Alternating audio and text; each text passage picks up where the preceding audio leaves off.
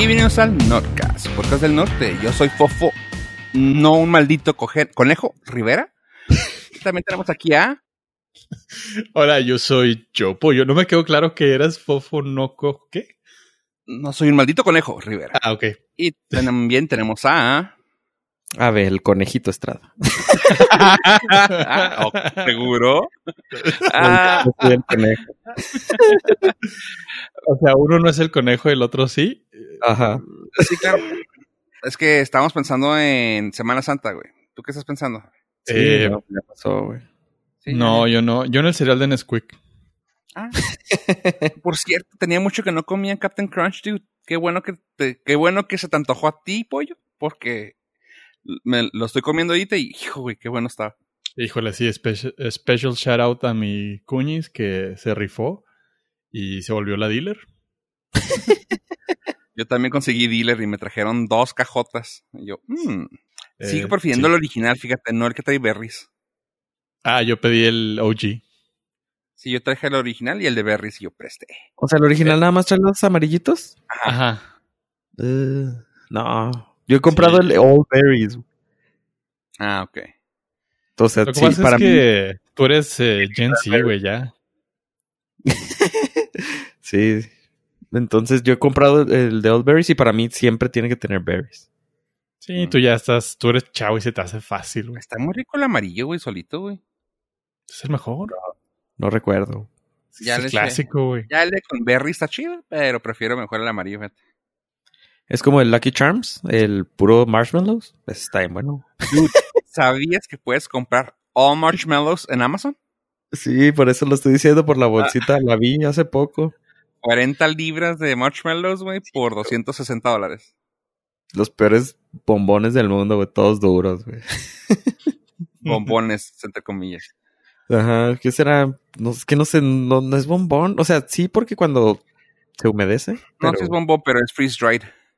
Ajá, sí, más bien como, como la nieve espacial. ¿La han probado? Es justamente eso. Sí, así secota. Ujú. Freeze dried fregaderas. ¿Y qué tal su semana, chavos? ¿Cómo andan? Eh, ¿Cuál semana? Te grabamos ayer. El episodio 173. se, me fue vola- se me fue volando y no literal, porque obviamente Ah, pendientes. con, con la, con la triste noticia de que pues eh, se extiende un mes más nuestro confinamiento nacional. Fronterizo. Sí. Bueno, sí, Fronterizo. fronterizo, porque. Sí, sí, sí, cierto. Sí, porque a los de Tuxtla Gutiérrez no les importa. Quién sabe, a lo mejor está, a lo mejor está cerrado Guatemala, güey. Y, y, y Obelice, güey, no sé. Bueno, fronterizo, frontera norte. Más bien. Lo que nos hacía bonitos, güey, ya, ya no, ya no es más. Le sí, le quitaron lo más bonito de Juárez, güey. Chale. Nomás nos queda el burrito de Winnie, güey, chingado. Hijo. Y, Y, no, eso y no el ya ni podcast. tan seguido, güey. en el podcast. Y ya ni tan seguido, porque pues ya no, ya tengo buen rato que no, ¿No comes? no consumo ese manjar fronterizo. Que por cierto, no sé si ya pudieron ver, vamos, hablando de, hablando de burritos, ¿pudieron ver el, los- las crónicas del taco en Netflix? No. ¿Nadie las vio la vez pasada, la primera temporada? No, no he visto Mm. ninguna de las dos temporadas. ¿Tú, Ave? No, tampoco. El primero se me hace que les puede gustar porque fue como que el, el tenía el impacto de wow, qué chido está esto. Ya la dos como que ya se le estaba acabando los tacos, tanto que metieron tacos americanos y así como que ok, los de sal- los de tostada dura. Y luego en el- las crónicas del taco se les ocurrió meter el burrito, güey. Es que sí. ahí Ah, es que es como la quesadilla. O sea, sí, en- pero. Pero pues, mantente en tu área, güey. Si quieres. justamente. güey. O sea, no, no se llama gastronomía del, del maíz y la harina. güey. Ujú. O sea, este es Bueno, es que sí, el taco tiene que ser estrictamente De maíz. Ah, incluso con los de tortilla dura, todavía raspaban ahí. Aunque ese es, ya es este tostada, güey. Fíjate Pero- que ahí en el en este episodio me gustó cómo lo explicaron, que fue así de que te cruzas a Estados Unidos en 250. Te das cuenta que los ingredientes que tienes a tu disposición es queso amarillo y tostadas. ¿Te vas a dejar de comer un taco por eso? No. Como mexicano recién cruzado, güey, dices tú, no, trabajo con lo que tengo y lo que vas a hacer. Y tú, eh, bueno, eh, está, chido. Si dices, no, no habían los ingredientes que se podían conseguir. Ahorita te vas a cualquier lugar y claro que los tienen, pero ya es una costumbre comer esos tacos. Y yo, wow, ok. Yo no sabía, por ejemplo, que en Houston, creo que Houston Austin, venden tacos, puffy tacos, güey. Y yo, what? Que básicamente hacen la tortilla y antes de pasar al comal, en vez de comal, la ventan a la freidora. Y como se empieza a inflar, le empiezan a hacer la hendidura para que se haga como tipo tortilla taco, pero queda puffy, o sea, se infla y así, y así queda la hendidura entre lo inflado. Ahí se lo echan y es una pues, es como un buñuelote de maíz, pero para taco. yo, ok. Pues aquí lo echamos al aceite y se hace gordita. Sí. pero ahí hay, variantes. El guisado, ajá, mientras está friendo, según yo. Sí. Hay variantes. Yo, la verdad, no, no shameo al, al Taco Bell. Lo que vulgarmente conocemos como el, taco dorado de Hard Shell. Porque, pues, finalmente es un taco. O sea, cualquier representación mientras sean los ingredientes correctos, pues sigue siendo un taco. No, y, que lo sepas diferenciar, o sea, no vas a decir, ay, me voy a echar un taco bien rico, güey. No, o sea, estás, estás echándote un taco rico Tex-Mex. O sea, pero no, a mí sí se me hace muy necesaria la. O sea, claramente, no, claramente no. estás diciendo me estoy comiendo un auténtico taco mexicano. Pero tampoco dices eso cuando te comes un taco mexicano. O sea, nomás no, me los tacos. Y yo, digo, finalmente. pero es que no, no, no hay este. No hay como que, ah, este es el auténtico taco mexicano OG, el tradicional de. de ¿Cómo? estuve escuchando un podcast de historia y mencionaron el origen del taco, que fue entre una comida de los conquistadores españoles y, los aztecas o algo así, que ofrecieron el maíz para, para comer el, cerdo y ese dio origen al, al taco. Entonces, pues si no es de cerdo y no son conquistadores y no son indígenas mexicanos, no es el original. Pues no, güey, es un taco normal, no pasa nada. No, no, no, pero o sea, vamos, si estás en, a ver, está fácil, si estás en Estados Unidos y tienes ahí al lado, no sé, güey, que, bueno, para los que escuchan de fuera, el Cometa es una, una taquería de, de Juárez que se cruzó la frontera y venden de todo tipo de tacos norteños, porque no así, no hay como de suadero ni de buche ni así. Pero bueno, la cosa es, si ese también que está en el paso, güey, y tienes ese y enseguida en Taco Bell dices, ay, se me antojan unos tacos, no te veo que digas tú, se me antojan unos tacos, vamos por unos crunchy, güey. No, güey. No, o sea, no, es de que estés en Boston y lo digas, ay, quiero algo mexicano, voy a Taco Bell. Sí, no, no, claro, claro que no. A eso voy, o sea. Pero tampoco shameas el, el Taco Bell. Porque, ah, no, pues, no, no. es un taco. ¿En qué momento dije que lo shameé? No, no, o sea, no, porque es común. No, es común el, el shaming de que incluso la, la gente de mamonería ah, no quiere reconocer Que, el, que el Taco Bell es un taco. Es un taco y que los hard shells no son tacos, es un taco. O, es, que sí está. Sí, sí, hay gente que lo que las echa, sí entiendo. Pero eso es lo que voy, o sea, por eso yo digo, hago la distinción y en ningún momento lo estoy discriminando, solamente hago la distinción de es un taco de Taco Bell, es un taco hard shell taco, o sea, está bien, tiene su lugar. Así como los puffy tacos que, también los vi, dije yo, ok. Pero dices tú, pues es su lugar, güey, y bien ganado. Lo que correcto son los que hayan metido los burritos. Ándale, exactamente. Deja tú. La dinámica de ese programa es de que cuando empieza, empieza cada episodio, hablan de cada tipo de taco. Y a cada taco le ponen una voz. Por ejemplo, cuando salió el de suadero, sale así de que eh, una voz chilangota, o sea, ni siquiera la voy a tratar de imitar porque no me va a salir, pero sale una voz chilangota y así de que yo soy el mero taco, el taco de suadero, carnal. Y así tú, ok. O sea, está chido, está original, pero como que dices tú, bueno, se escucha que es un chilango así de novela de Mariela del Barrio, güey. O sea, súper exagerado para que le entiendas que es de otra parte y tú, ah, güey, no se siente chida eso, güey. Y claro, salió el de burritos y yo acá poniendo el grito en el cielo, ¿no? De que, no manches, güey. Burritos y le ponen un acento como tipo de, de sonora para empezar. Y lo, y nada, nada se compara con unos burritos. Ya sea de asado o de salchicha. Y yo, no, güey, no, no, no, no, no. Con chile chilaca 880. Sí, o sea, pero así, ajá, justamente salchicha.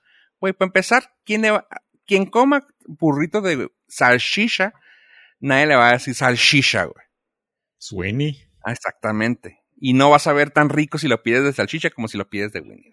Bueno, pero sí, no, es que, es que sí, sí, cuando vienen de, de otro código postal, I've been there, sí lo piden como burrito de salchicha. Ah, no, no, claro, pero a eso voy, o sea... Y lo peor es que le, le, entienden, güey, los burreros, hablan tres idiomas, güey. sí, es justamente eso, o sea, de que el, el PEX es de que, güey, pues no lo hace sentir chida, güey. O sea, ya, ya la regaste en ponerlo en, en, en tacos, güey. Y ahora lo pones con un acento que no es de aquí. Damn you, damn you. sí, ya mejor que le pongan el tour gastronómico mexicano ya. No la, la madre esa del taco. Sí, güey, total que... Y lo chida, lo chido es que salieron en varios lugares de aquí de Juárez.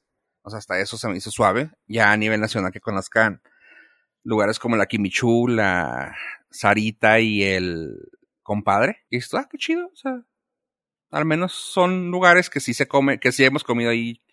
Creo que la mayoría. Sí. ¿Ustedes han comido en esos lugares? El Sarita no. ¿Cuál es el compadre? ¿El compa? El, ¿Está en la 16? André. Ah, es el compa. Compa, compa, sí. ¿Sarita también? ¿Sarita dónde es? Ahí en las Américas.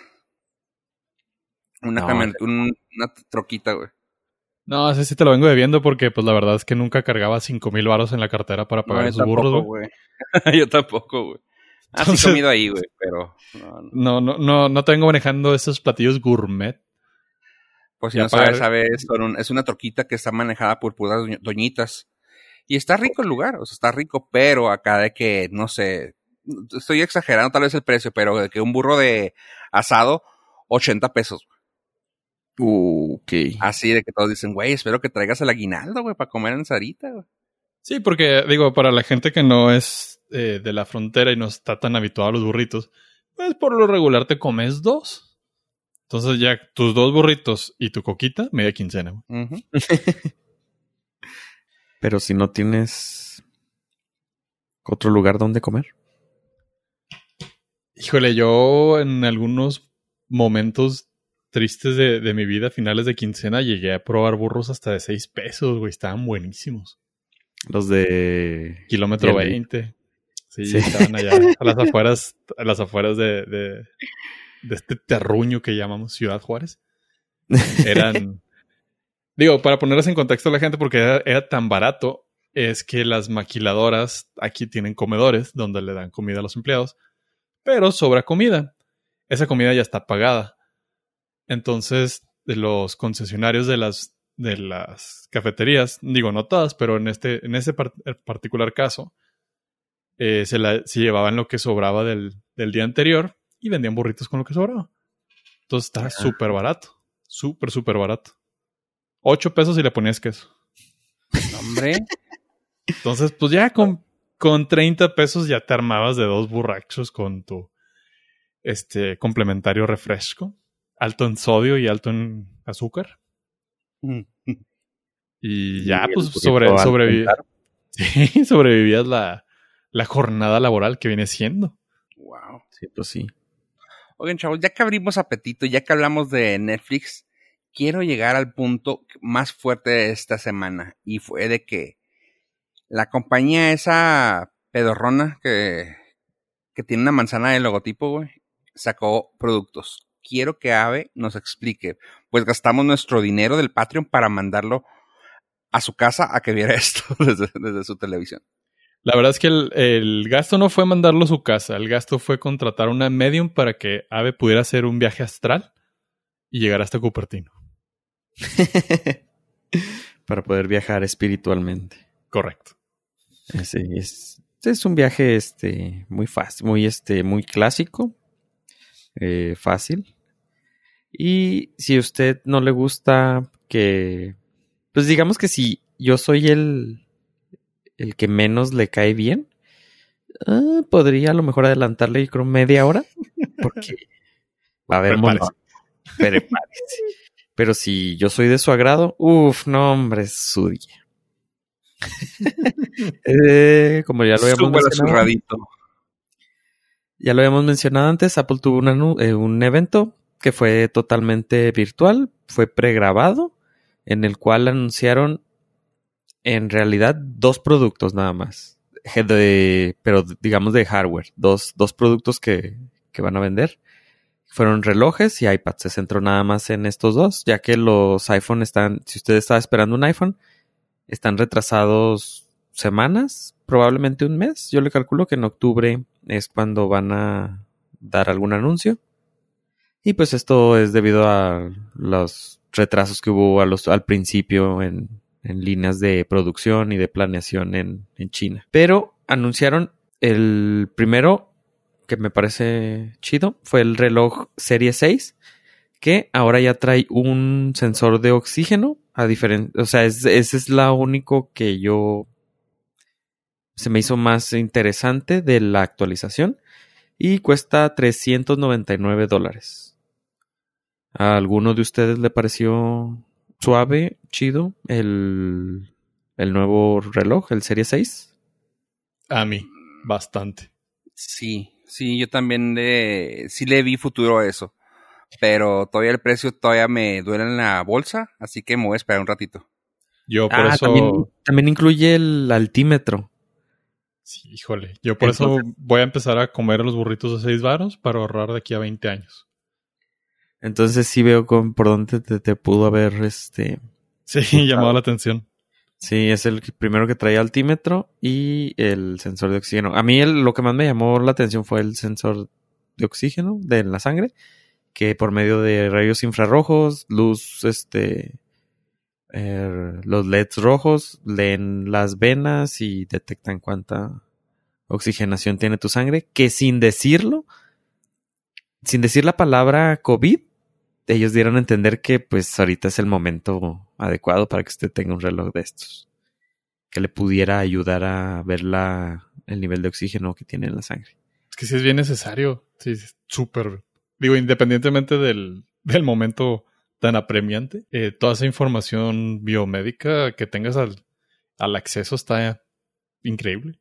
Sí, y ah, no, pues digo que no, no, no dijeron la palabra y no, no es que haya sido conveniente. No, no, uno puede decir, ay, qué conveniente, lo sacaron justo en este momento. No, ese reloj tenía en planeación hace tres años, así que no, o sea, fue totalmente casualidad. Y Continuando con la serie de los relojes. Güey, espérame. A partir de hoy te vas a crear un nuevo movimiento de teorías de conspiración, güey. Gracias. ¿Por qué? Casi. Ahora fue quote quote casualidad. Di la verdad. ¿Cuánto te están pagando? pues sí, fue casualidad porque, o sea, ese sensor no, no lo pones en seis meses. Esa línea de producción no, no la armas en seis meses, entonces. O echas a andar una pandemia. No echas a andar una pandemia, más bien, echas a andar una pandemia. Para pero... justificar tu inversión del oxímetro. No, sí, o sea, los productos están a tres planeados como a dos, tres años, entonces pues sí fue muy conveniente esta pandemia, digo, casualidad. y, por ejemplo, si no les gustó el reloj, el precio de $3.99, sacaron una versión económica, de gama media, a lo mejor podría decirse, que es el Watch SE, que ahí le quitan el número para hacerlo más barato, porque todos sabemos que el SE pues, es el, económico. El Watch SE es como un reloj serie 4, o sea, podría ser dos este, generaciones anteriores. Está en 279 y lo que usted pierde es el electrocardiograma y el sensor este nuevo de oxígeno y el altímetro. Todo lo demás está ahí y pues es muy buen reloj. ¿Ese te animaría más, Fofo? Mm, sí, pero pues yo sí quiero el, el ¿cómo se llama? El sensor de oxígeno. Sí, güey, o sea, eso, eso fue lo que a mí me prendió, güey. A mí no me interesa el altímetro, güey. porque nunca, nunca voy para arriba, siempre voy para abajo. Oh, no, en serio, no, se me hizo muy chido lo del oxímetro, güey. Eh, pues, honestamente, lo del corazón ya se me hace una cosa muy fregona, pero ya lo tienen varios. El oxímetro no creo que haya ningún, ningún reloj que lo, que lo mide ahorita. Y pues sé que tal vez esta sea la primera versión, pero, y siempre tienden, tienden a sacar una versión más chida después, así que tal vez a eso es lo que me espere. Sí, probablemente en, futuros años el, la versión económica, el Watch SE, el 2, 3, va, podría ser este, el 6, ¿sabes? Entonces, ya sale más económico. Pero si usted dice, no, todavía no me convence, 279 dólares. Y dice, no, ¿qué, qué, me puedes ofrecer con 199? Bueno, todavía van a seguir vendiendo el Watch Series 3, que pues ya ese ya es un poco más eh, la única diferencia, pues, es que obviamente no trae todo lo anterior que mencioné, el electrocardiograma ni el. ¿Cómo se llama? Ah, el sensor de oxígeno. Pero pues ahí ya es, este es un reloj más lento. Es traer el procesador más lento y es lo que a lo mejor pudiera molestarle o, sí es lo que se sacrifica. Pero, Está increíble, güey. perdón, estaba pensando en, la oximetría y el altímetro como piloto sería una super herramienta para poder eh, detectar los primeros síntomas de la hipoxia. Sí, pues de nada. ok. tenemos este. Gracias, gracias por esa información. Este. Oh, perdón. El Series 3 no trae el. Creo que no trae opción de que sea teléfono. El, el SE y el 6 ya trae este opción celular, claro, por una cuota módica cantidad más, pero el Series 3 no, el Series 3 nada más es sin celular. Eh, y pues eso es en, el área de los relojes. Ah, también quitaron, siguen ofreciendo la, la versión, este, eh, como de gama alta, así de si la quieres de acero inoxidable o de titanio quitaron la, un reloj que el anterior que, era de cerámica que cuesta 1500 dólares, que era el más bonito, para mi gusto. Nunca me lo pude haber comprado, ni me lo compraré, pero era de cerámica blanca y era el, el reloj más que me gustaba más, ese ya lo quitaron. Y también a los relojes ya les quitaron el con el, cargador, es que no, no les quitaron el cable, pero es el, el sí es el cargador, ¿no? el USB, el que va conectado a la luz y le conectas ahí el cable USB. Ese ya también se lo quitaron. Y lo dejaron ahí entrever que era por cuestiones de pues de reducir gastos y de no contaminar, pero pues más bien lo hicieron ver como que era para no contaminar, pero todos sabemos que fue para reducir ahí un costo.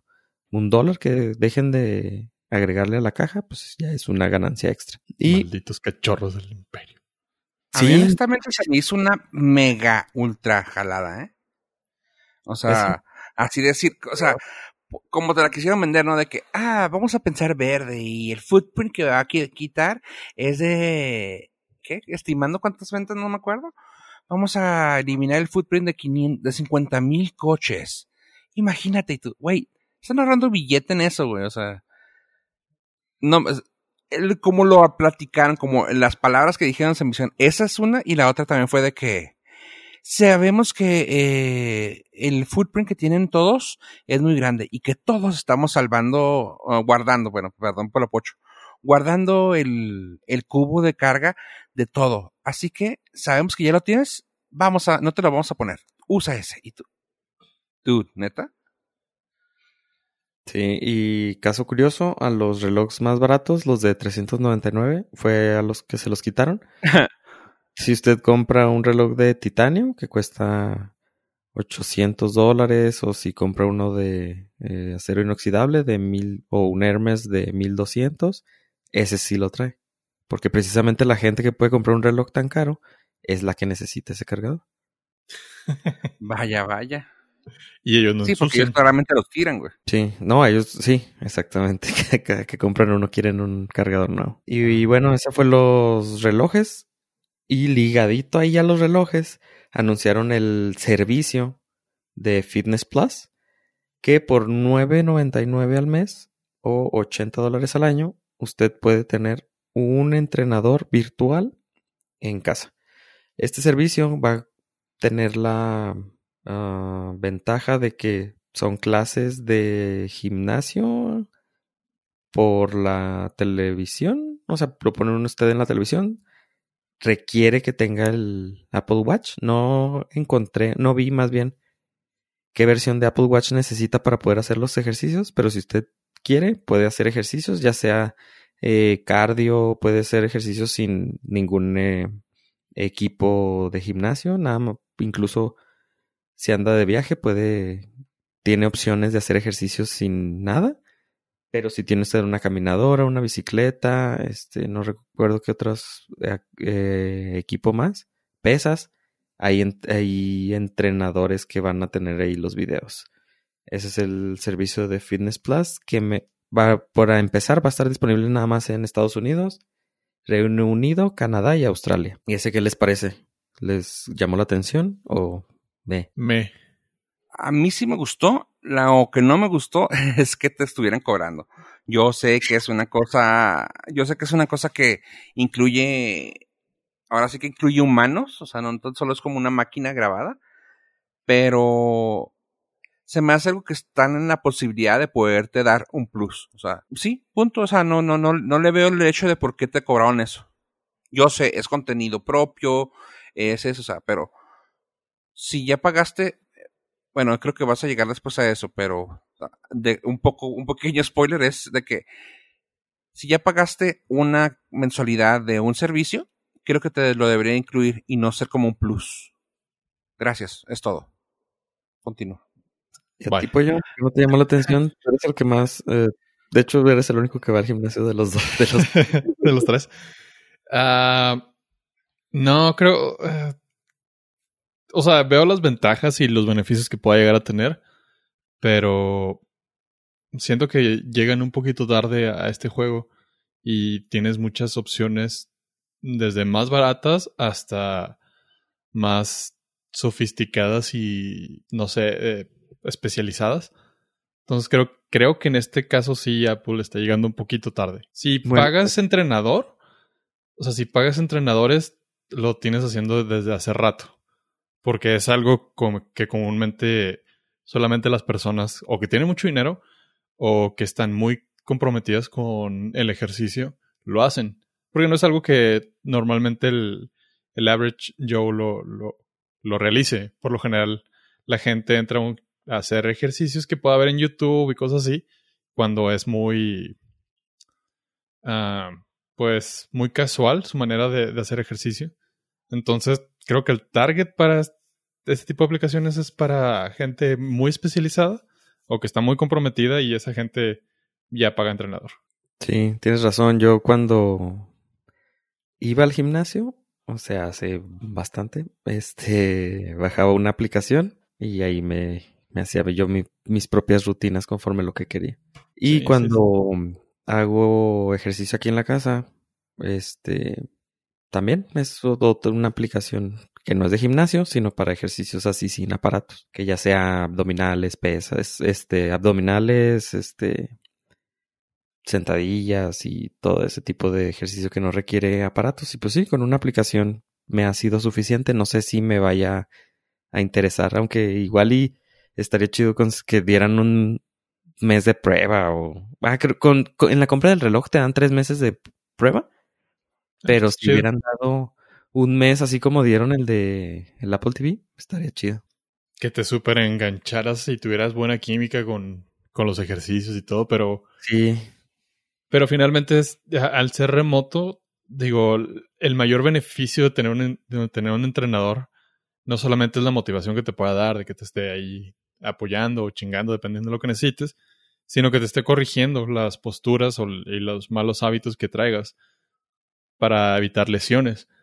Y pues aquí, ¿qué tanto te puede ayudar? Entonces, pues no le veo un plus tan grande que no puedas resolver en una, un video de YouTube o una aplicación como lo hacías tú. Sí, es cierto, el video de YouTube puede que sea su competidor máximo. sí. Y continuando con los servicios, bueno, si usted eh, tiene un problema que tiene contratado un servicio de Apple, otro por acá y así. Sacaron un bundle que es, ¿cómo se dice en español? Para no ser tan pochos. Un, eh, paquete familiar. Paquete, sí. Es el paquetax. Un combo. En, en, Kentucky sería una, una cubeta. Una cubeta, está bien buena. En Wendy sería un combo. Y este, y en McDonald's sería un McTrio. este, si usted, por ejemplo, Ah, ofrecieron, se llama Apple One y ofrece tres opciones. La opción individual por 14 dólares, que ofrece Arcade, TV, Music y 50 gigas de espacio en iCloud. Eh, la opción familiar, que es eh, por 20 dólares, que ya permite tener a 5 usuarios. Incluye todo lo, lo, mismo, Arcade, TV, Music y iCloud, pero el iCloud son 200 gigas por 20 dólares y la opción Premier, que incluye todo lo demás de Arcade, TV, Music, iCloud de 2 terabytes, News Plus y Fitness Plus por 30 dólares. Eh, en el primer paquete se ahorra, o sea, de tener Arcade, TV, Music y el iCloud se ahorran 6 dólares, en el segundo 8 y en el segundo se ahorran 25 dólares. Los, por ejemplo, si usted compra el, el Apple One el individual por 15 dólares. El arcade y el TV se pueden compartir con familiares. Y el, lo único que no se puede compartir es el music. Entonces, eh, ese es podría, si, si, a usted le interesa el music, ya tiene que comprar el paquete familiar, que es de 20 dólares. Y pues el 30 ya trae todos los servicios que incluye, que tiene Apple hasta ahorita. A usted, en pesos, salen más baratos. Mucho yo más los, baratos. Yo los dije en, en, en dólares porque pues... Hay que, cabe decir que el News Plus y Fitness Plus no van a estar disponibles para usuarios de México. Aún. cierto. Cierto, todavía no están disponibles. Oye, pero eh, la congruencia de los precios de Estados Unidos a México se me hace bien cabrón, ¿eh? Sí, el individual que les dije que cuesta 15 dólares, en México cuesta 165 pesos al mes y el familiar, que les dije que costaba 20 dólares, son 229 pesos al mes. Sí, sí está muy, muy, muy vara. Sí, oye, yo, por ejemplo, la otra vez, ¿sabes que Una persona que llegó ahí al trabajo me estaba diciendo, no, es que yo estoy comprando 100 gigas, 50 gigas, no me acuerdo, de iCloud. Y yo así de, ay, güey, no manches, yo pensando en precios de americanos, y yo, cabrón, 20 dólares al mes, ¿qué pedo, güey? Me dice, no, son 17 pesos. Y yo, ¿qué? Sí, es aquí, aquí para México. Y yo, no, no, no, no. O sea, yo todo incrédulo. No, creo que estás mal. Has estar pagando algo más. No, el iCloud de México sale bien barato. Y yo, mmm, ok. Y ya lo busqué. yo, ¡Ah! sí, es cierto, sale bien barato. Perdón, nomás tenía esa sorpresa, esa datos que me sorprendió mucho. Sí, a mí también me sorprendió mucho porque cuando nos puso pollo, creo que fue el que nos avisó de que cuánto costaba en México. Dije, ah, caray, no, no se me había ocurrido checar. Y más o menos te estarían, si comparas el tipo de cambio, te estarían tomando el dólar a 11. O sea, sí le bajaron un chorro, casi la mitad. Toma eso, Android. Oye, es cierto, ya. o sea, por mes está 200 gigas por 50 pesos. Sí, está chido. Wow.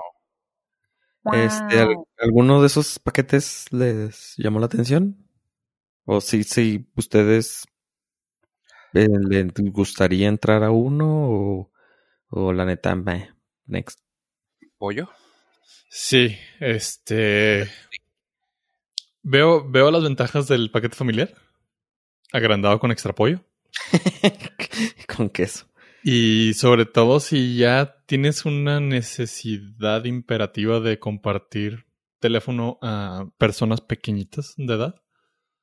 Híjole, tener arcade debe ser la chulada, porque te quitas toda la bronca de los ads y que te vayan a le vayan a picar para comprar algo y cosas así. Y pues más que nada ya lo que viene siendo la edad me hace pensar en ese tipo de cosas. y, y, creo que con Ajá, con solamente ese dato del arcade para entretenimiento de, de pequeñuelos, está fregón. Y pues ya digo, ya Apple TV Plus y todo lo demás siempre está, siempre está chido. Pero terminé encantándome por arcade. Sí, pues sí, suena, suena bien por esa parte. Yo soy un, un sucker for deals y, o sea, soy un tonto por las, ¿cómo se puede decir? por las ofertas. Ofertas, gracias. Y honestamente a mí se me hace muy bien, puesto que tan solo de música se está pagando creo que como 150 pesos. Y en Apple TV estábamos así de que viendo de que, ok, ¿sabes qué? Va a salir esta serie que está buena, vamos a pagar este mes. y así estábamos, o sea, de que lo pagábamos ah, por, pago por evento. Y era así de que, bueno, ok.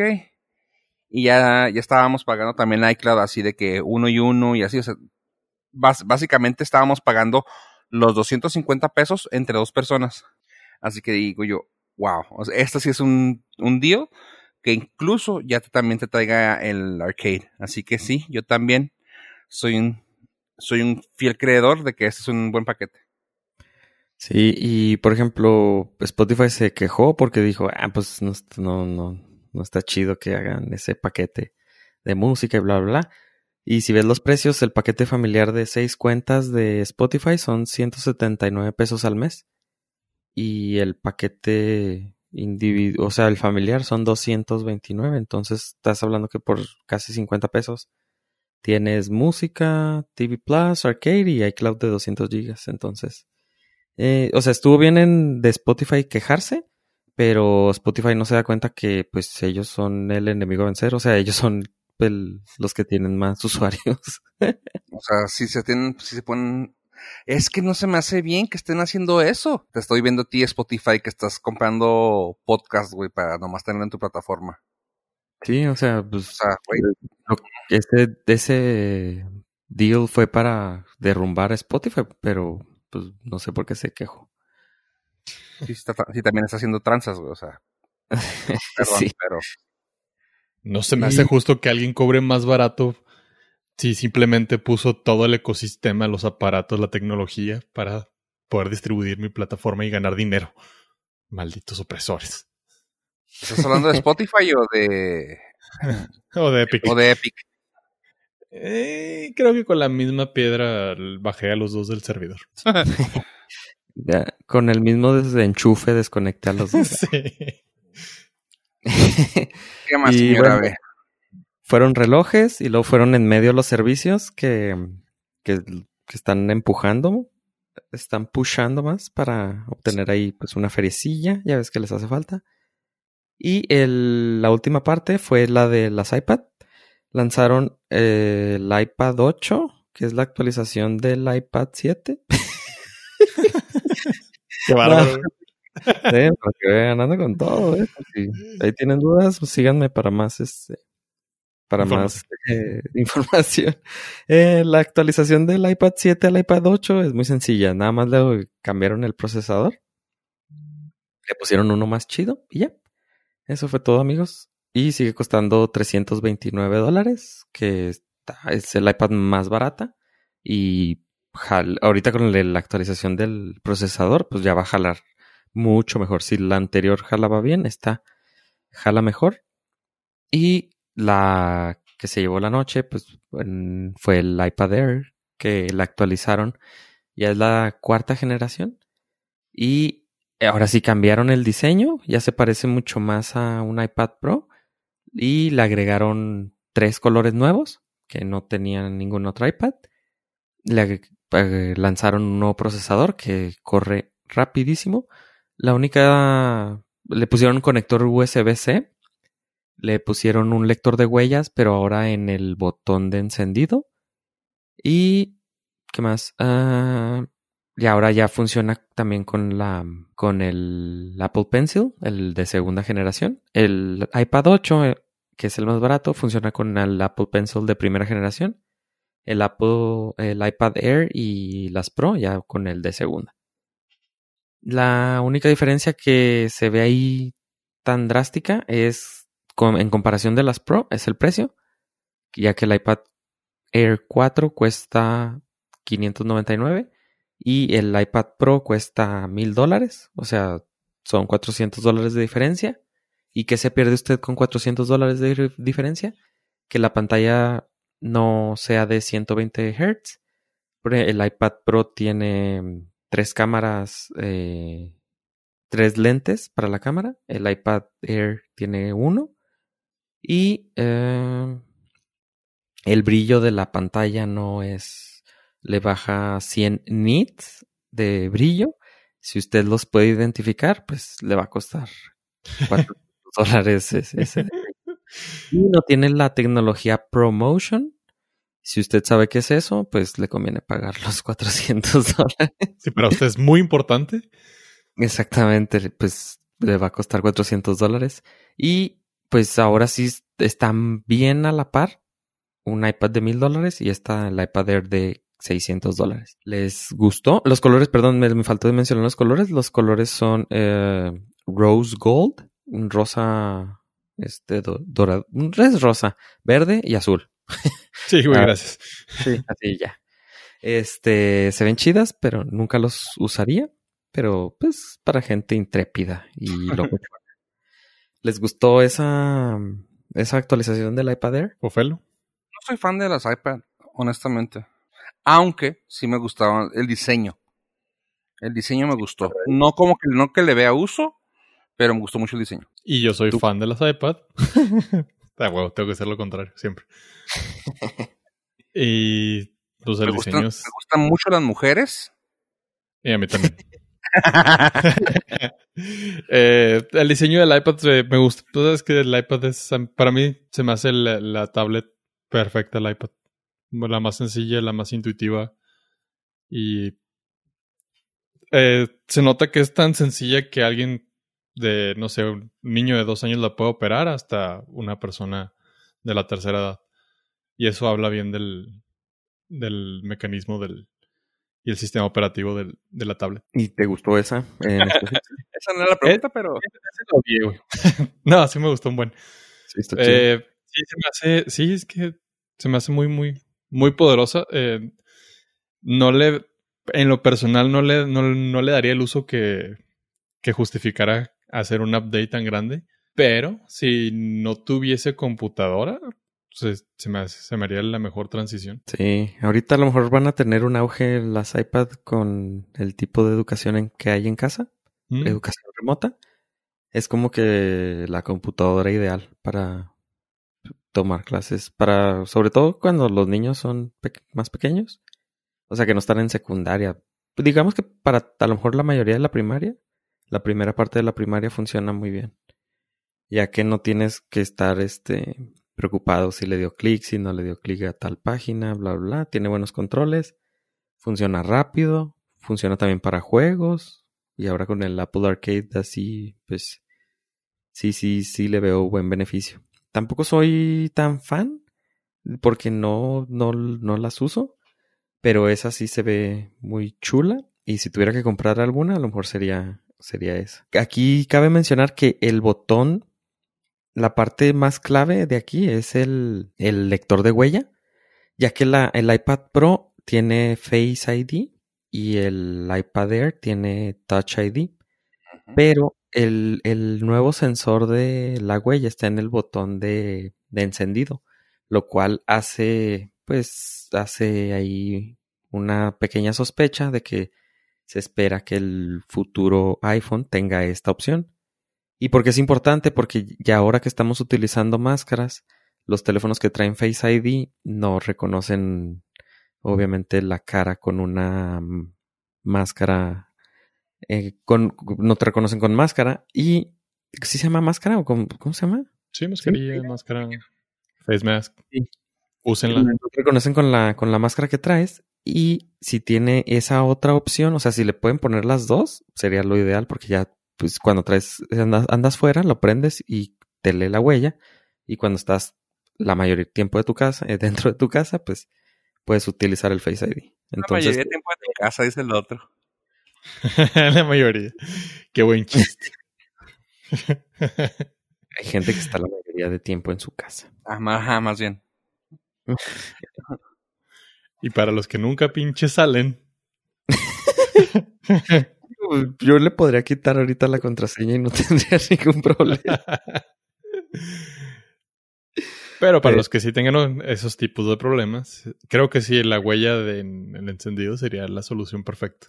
Aparte, mucha gente no está totalmente convencida con el Face ID. Sí, pero pues sí, eh, yo, sí he tenido ese problema cuando la una vez al mes que llego a salir, es un problema. es medio molesto el, botón en el Power. No sé si ellos le pudieron arreglar más. Supongo que sí, ¿eh? pero los, uh, los Samsung que lo tienen son medio fastis, güey, porque pues haces así como que false, false negatives o false positives, no sé cómo sea. Así de que lo quieres apagar o prender y como que está medio bruto el botón o uno cuando lo haces, que no te, no te acostumbras. Y lo usé por meses y no. Ok, pues sí, esperamos que ellos hayan, resuelto ese problemita y pues ese es lo único que se pudiera especular que tenga el nuevo iPhone. Así que eh, yo estaba esperando los audífonos, que son así como de estudio, los que van arriba de, la, de, los, de los oídos, no los que van dentro. Pero pues no, así que espero que salgan en el futuro evento. Gracias, Adi cada centavo lo valió haberte mandado a tu cama. A ver. Oye, los inciensos fueron caros, güey. esos, brownies estuvieron. Sobre todo tener que ir a comprarlos. Bueno, comprarlos. Oigan, chavos. Y pues, para no dejar ese espacio vacío que normalmente nos deja Pollo cuando no habla de Star Wars, ¿Tenemos algo para la sección de North Star Wars Cast? Sí. Coméntame. Ah, únicamente una, una, noticia eh, rápida para que nuestros North listeners no se vayan a engrasar y aventarse del tobogán, porque durante estos días va a estar circulando una noticia acerca de que Pedro Pascal ha abandonado la serie de El Mangolorio. Ok. Y ahí les va. Me estoy preparando. Me voy a aventar. Bueno, todo empezó porque dicen una fuente no verificable que sus contactos dentro de Disney le pasaron el dato de que Pedro Pascal fue despedido a la mitad del rodaje de la segunda temporada. Porque supuestamente el señor se había puesto en un plan insoportable, quería tener más control creativo sobre su personaje, inclusive estaba demandando que ciertas escenas ya fueran sin el casco. Para los que no están familiarizados, el Mangolorian eh, siempre trae el casco puesto porque esa es la forma de, conducirse de esa especie de, de, guerreros. A lo que supuestamente Pedro Pascal, al no estar de acuerdo con las decisiones creativas, fue y se quejó con con los altos directivos de Lucasfilm.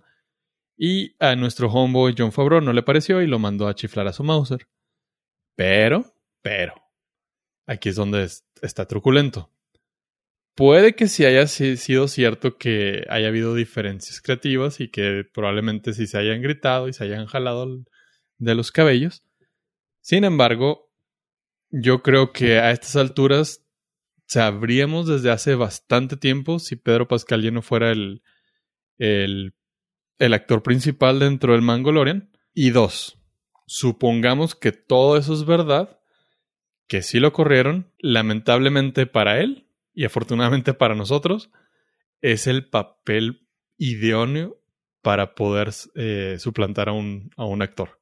¿Por qué? Porque nunca le hemos visto la cara. Entonces, Ojalá que no, porque pues sí la está haciendo chida y cuando le avisaron que iba a estar en el papel no ve ni qué era y está súper emocionado. Ojalá que siga siendo él, pero en el dado caso que la rumorología sea cierta, pues creo que John Favreau y Feloni eh, demostraron que lo más importante es la historia. Y efectivamente la historia de, de los Mandalorians es que su traje no se quite. Y tienen que seguir contando este, ciertos detalles, sobre todo ahora que en la segunda temporada van a empezar a meter historias sacadas directamente de Rebels y de, de Clone Wars. Y eso tiene muy hypeada a la gente, a los fans, a mí, y se va a poner bastante chido. Entonces, simplemente lo pongo la mesa, ustedes analícenlo si quieren creer, si no, pero para mí, yo creo que es bastante poco probable que esto haya sucedido en verdad. Mira, si hubiera sucedido, John Boyega ya nos hubiera dicho, ya lo hubiera dicho. Bien ahí. Me paro de Sí, tiene todo sentido, güey. O sea, güey, este vato quería meterse desde hace mucho en la historia. Según esto, desde la primera temporada quiso meterse en, en meterle ahí su jiribilla. Y pues no. Y ahorita eh, leyendo las notas que están saliendo sobre este güey, sí está así como que poniéndose en su papel de, de diva de decir, güey, ¿y qué tal si mejor me quitas la máscara, güey? Y luego yo salgo así, ¿y qué tal si mejor haces más historias sobre Mando?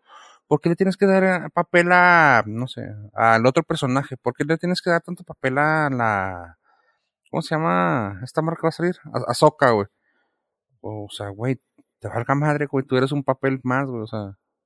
tú eres un empleado. Sí.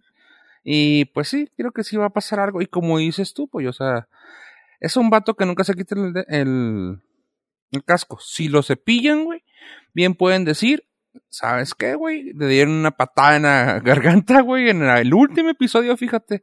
Y para la tercera ya no va a poder hablar como hablaba. ¡Qué cura, güey! Ya. Güey, yo creo que hay la suficiente tecnología para poder recrear su voz en computador. No puedes hacer eso, güey. No lo puedes hacer por razones de, de derechos, güey. Pero podrías sonar muy igual. Ah, no necesitas, güey güey, necesitas cambiar tu forma de ser, güey, porque ya no tienes que ser, güey, lo pintas pinche azul, güey, el traje plateado que trae, güey, y ya tiene que hacer otro acento, güey, y una voz más profunda. Se acabó. Eh, no creo que, no creo que sea tan necesario cambiar todo el personaje por No, no, no, digo, o sea, puede hacerlo de varias formas, güey. Una pinche patada, un, un disparo, algo que le tenga que cambiar, güey, la voz, o como te digo, o sea, desde cambiar la voz hasta cambiar todo, porque pues ahora vas a otro, otro planeta. Eh, whatever, güey. Se puede, lo pueden hacer. No sale la cara, güey. Hay formas de hacerlo de miles de formas, güey. Que no tenga que Mira, si pudieron cambiar a Daniela Luján, a Belinda por Daniela, a Daniela Luján por Belinda, güey. Uf. Claramente se puede hacer eso. Claro, ya Ana Colchero en nada personal.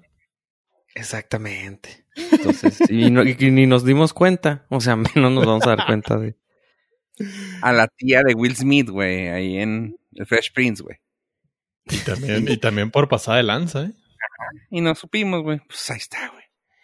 Oye, y pues continuando con el North Star Wars Cast, algo chido que se me hizo muy suave, pues viene de la mano de el señor Taika Waititi, quien trabajó en esta serie de The Mandalorian como director de unos episodios pues como que le gustó la tecnología y dijo, mira, güey, pues esa tecnología es de Star Wars, Star Wars es de Disney, Marvel es de Disney, voy a hacer la de Thor, ¿qué creen?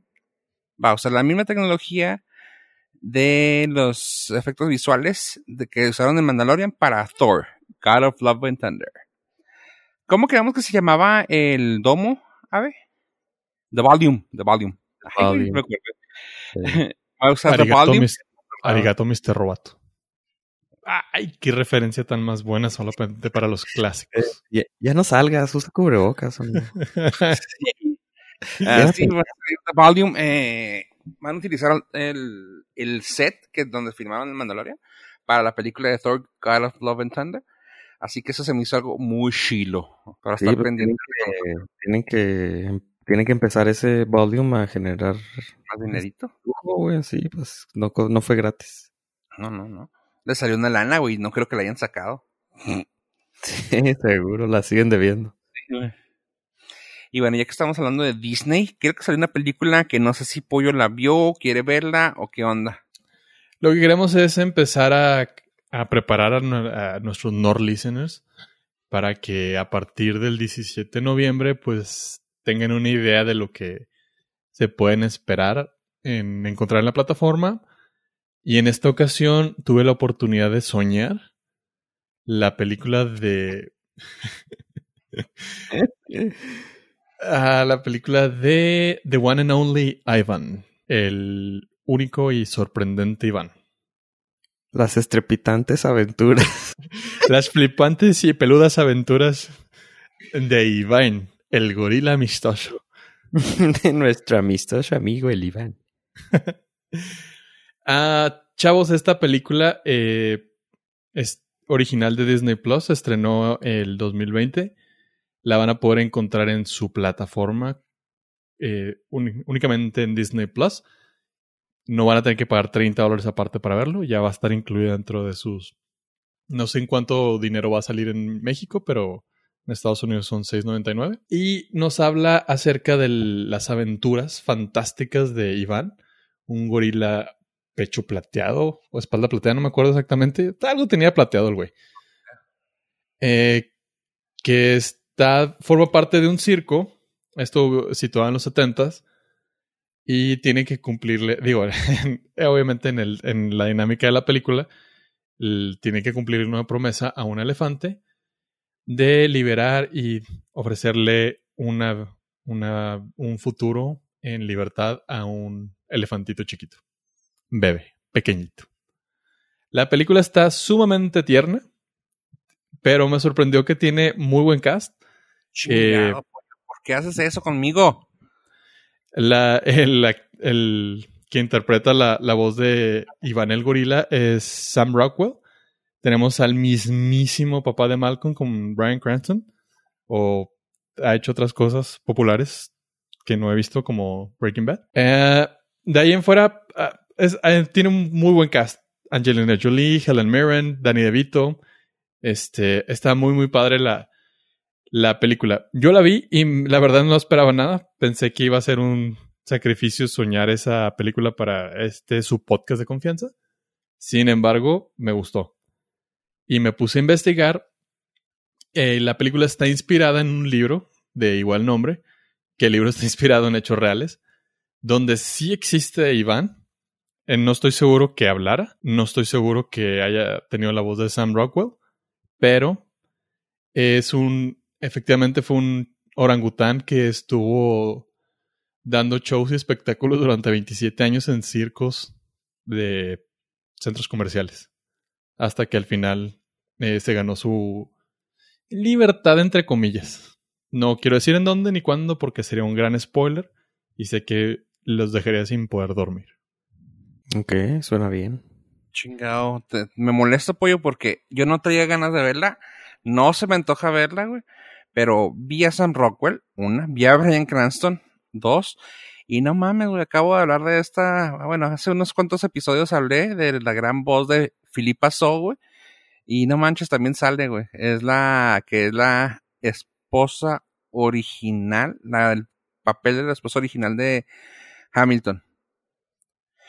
O sea, es una cantante de Broadway y no mames, o sea, nomás por ella quiero escucharla cantar o bailar o no sé qué vaya a hacer. Telma, no sé qué. Es el elefante grande, mamá, que tiene todo el, el peso emocional. Ah, no, no es cierto, no es cierto, no es cierto, no es cierto, no es cierto. Telma es, es esta... No les voy a decir. Spoiler. Va. Ah, ok. sí. Está bien. Eh, sale ella, güey, y entre tantas, pues también sale la señora, la institución Chaka Khan, güey. Cosa que ya tenía mucho sin saber de esa señora que andaba haciendo. Yo hasta pensaba que se había muerto, perdóneme, señora. Eh, Wow. Yo, o sea, yo, me, yo me sorprendí mucho con Danny DeVito, güey. No, la, sigue haciendo todo lo que le inviten, güey. No la vi venir y su personaje es Danny DeVito. Lo ves y la hace de un, un perro callejero. Cuando no ha sido para Danny DeVito, Danny DeVito. Con todo el flow. Y dices, sí. Tiene, ese, ese perro tiene la misma actitud de Danny DeVito.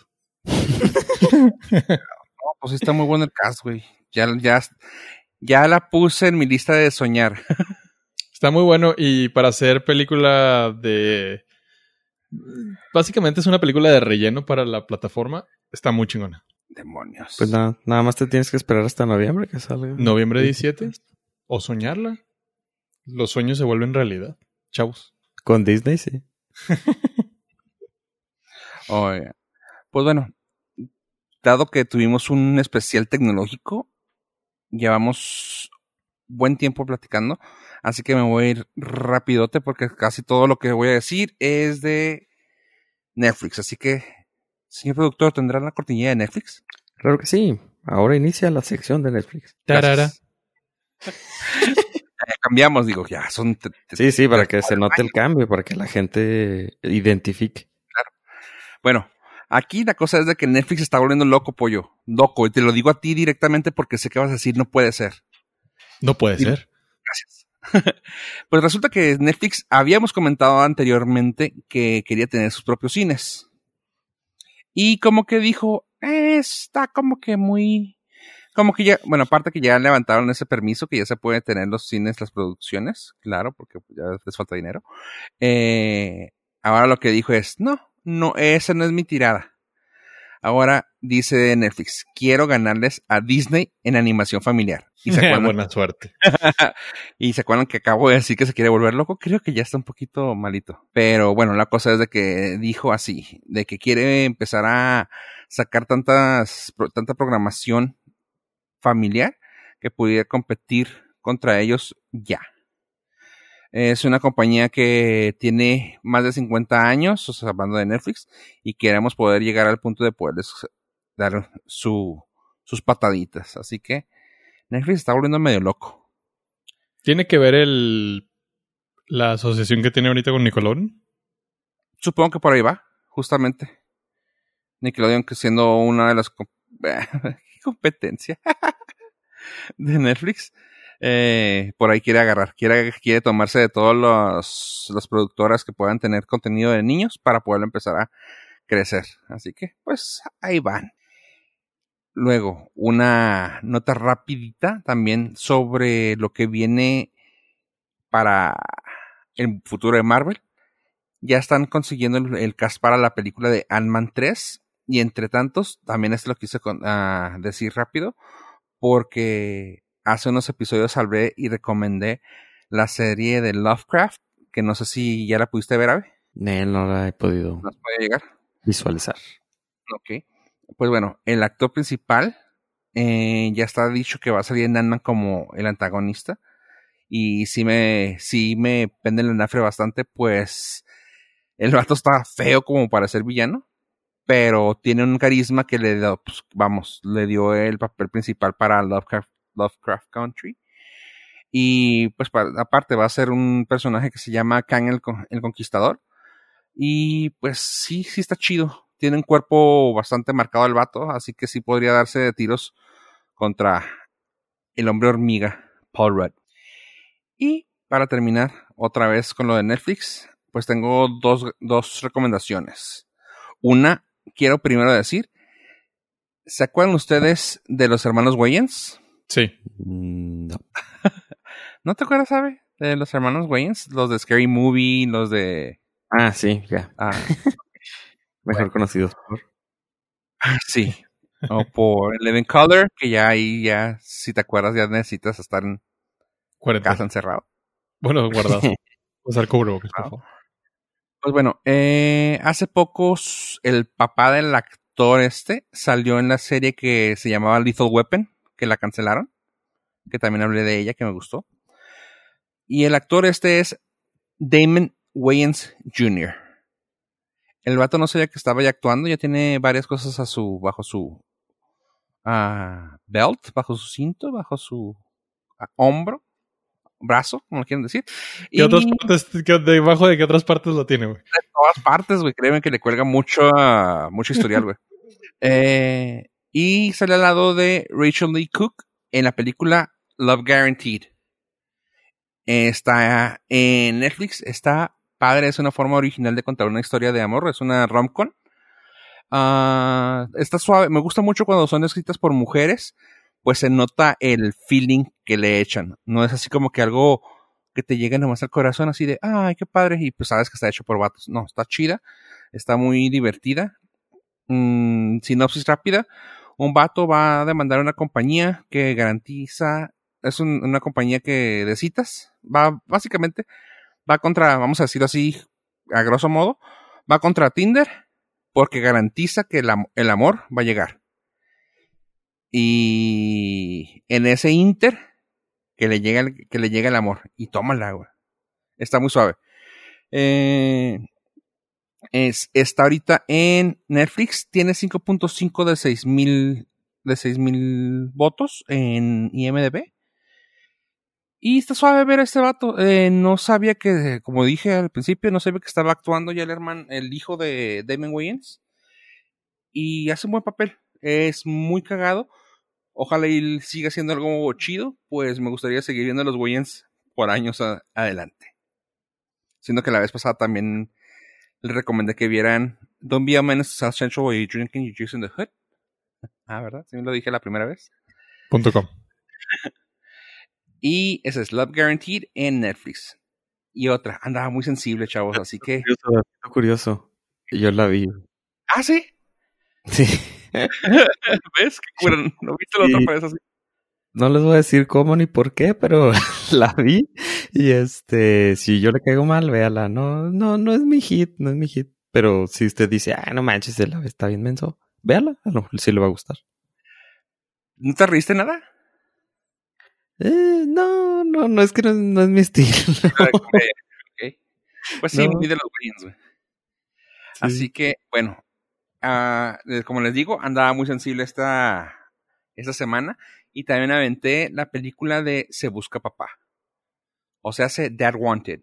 Y aquí lo, lo difícil, que sé que tal vez venga bullying de parte de, de un hombre, hombre come hombres, que luego siempre me dice que yo nunca veo nada en español.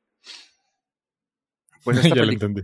Pero pues bueno, esta película es mexicana. Y protagoniza a Mauricio Argüelles Moisés Arismendi. Bueno, en realidad, así se las pongo. Eh, déjame te digo los nombres, los nombres chidos. Déjame, ah, Esos eran, güey. Según esto, pero no, no son los nombres chidos, de hecho. Ah, ah, ah, ah, ah, ok. Bueno, la cosa es de que si no viene el nombre chido de este vato. God damn ¿Cómo se llama? Bueno. creo que es este. ¿Qué guapo? Perdón, creo que es Luis Ernesto Franco, pero no. Bueno, la cosa es que la película está muy divertida. Es una historia. Ah, pues quiero decir original, pero luego van a decir, no, güey, es que se encuentra con. Pero básicamente es un tipo de película donde una niña busca papá y sin que lo encuentra en alguien más. Y los nombres famosos que iba a decir eran Silvia Navarro, Juan Pablo Medina, y Ella Belden. Y la chavita que hace el papel de la protagonista, Ish, eh, se rifa la morrita. No lo tengo aquí edita el nombre, pero se rifa la morrita. Eh, pero sí, sea de Silvia Navarro y Juan Pablo ah, Medina.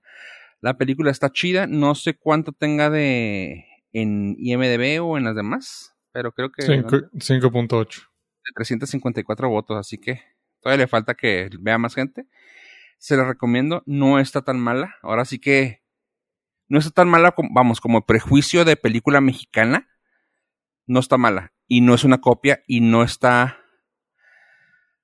No es una copia que digas tú, ay, güey, como siempre, güey, cosas mal hechas y, y, copiadas, ¿no? Es una cosa original, quiero creer yo, y está bien hecha, está muy bonita, está chida, recomendable, familiar completamente, así que ahí está, se busca papá en Netflix también. Eh, sí, ¿Esa te recomendaron cuando terminaste de ver la otra? ¿Dónde? ¿Esa, ¿Esa película te recomendaron cuando terminaste de ver la otra, la de Love Guaranteed? No, de hecho Love Guaranteed la había, la había visto, la bajé en en mercados alternativos y fue así de que, ahora de qué chido. ¿En Netflix o qué? Sí, quería boicotearlo. Sí. No, no, honestamente lo quería ver porque lo estaba viendo en diferentes tiempos y se me hace más fácil adelantar o regresar en, en mi... ¿Cómo se llama? En tu videoplayer player que en Netflix directamente. Y la otra sí la vi porque ahí estaba. Y algo leí en, en, en Twitter que unas personas lo estaban recomendando así de que, ah, güey, qué chida historia, güey. Y alguien dijo, que no creo nada, pero alguien dijo de que, güey, es la historia que de mi papá que la contó, él ayudó y la madre. Y yo, eh, no, es para ver qué tal. Y ya cuando la vi dije, órale, güey, o sea, me sorprendió que no es tan mala.